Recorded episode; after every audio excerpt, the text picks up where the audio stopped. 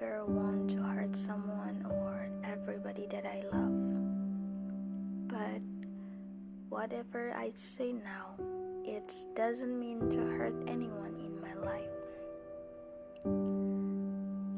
I'm just talking about what's on my mind. Every day I always be the best. Every day I always try to make everyone happy with the little things I can do. I'm too busy thinking about how to make people happy and not hurt them. I follow someone will too much without ever thinking about what I really want. And I am too busy trying to be the best in someone's eyes without even thinking about what's best for myself. Sometimes I think that I'm too selfish with myself. Karena sibuk mengikuti kemauan seseorang, aku sampai gak pernah memberikan kesempatan kepada diriku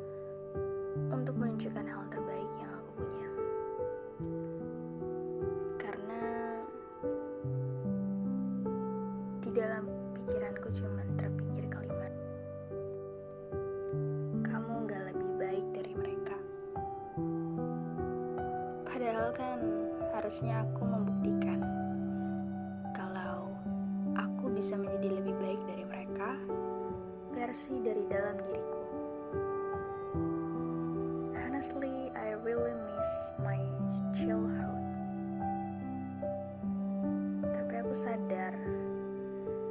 bahwa sekarang aku sudah tumbuh besar dan harus siap menjalankan hidup yang bukan untuk main-main lagi.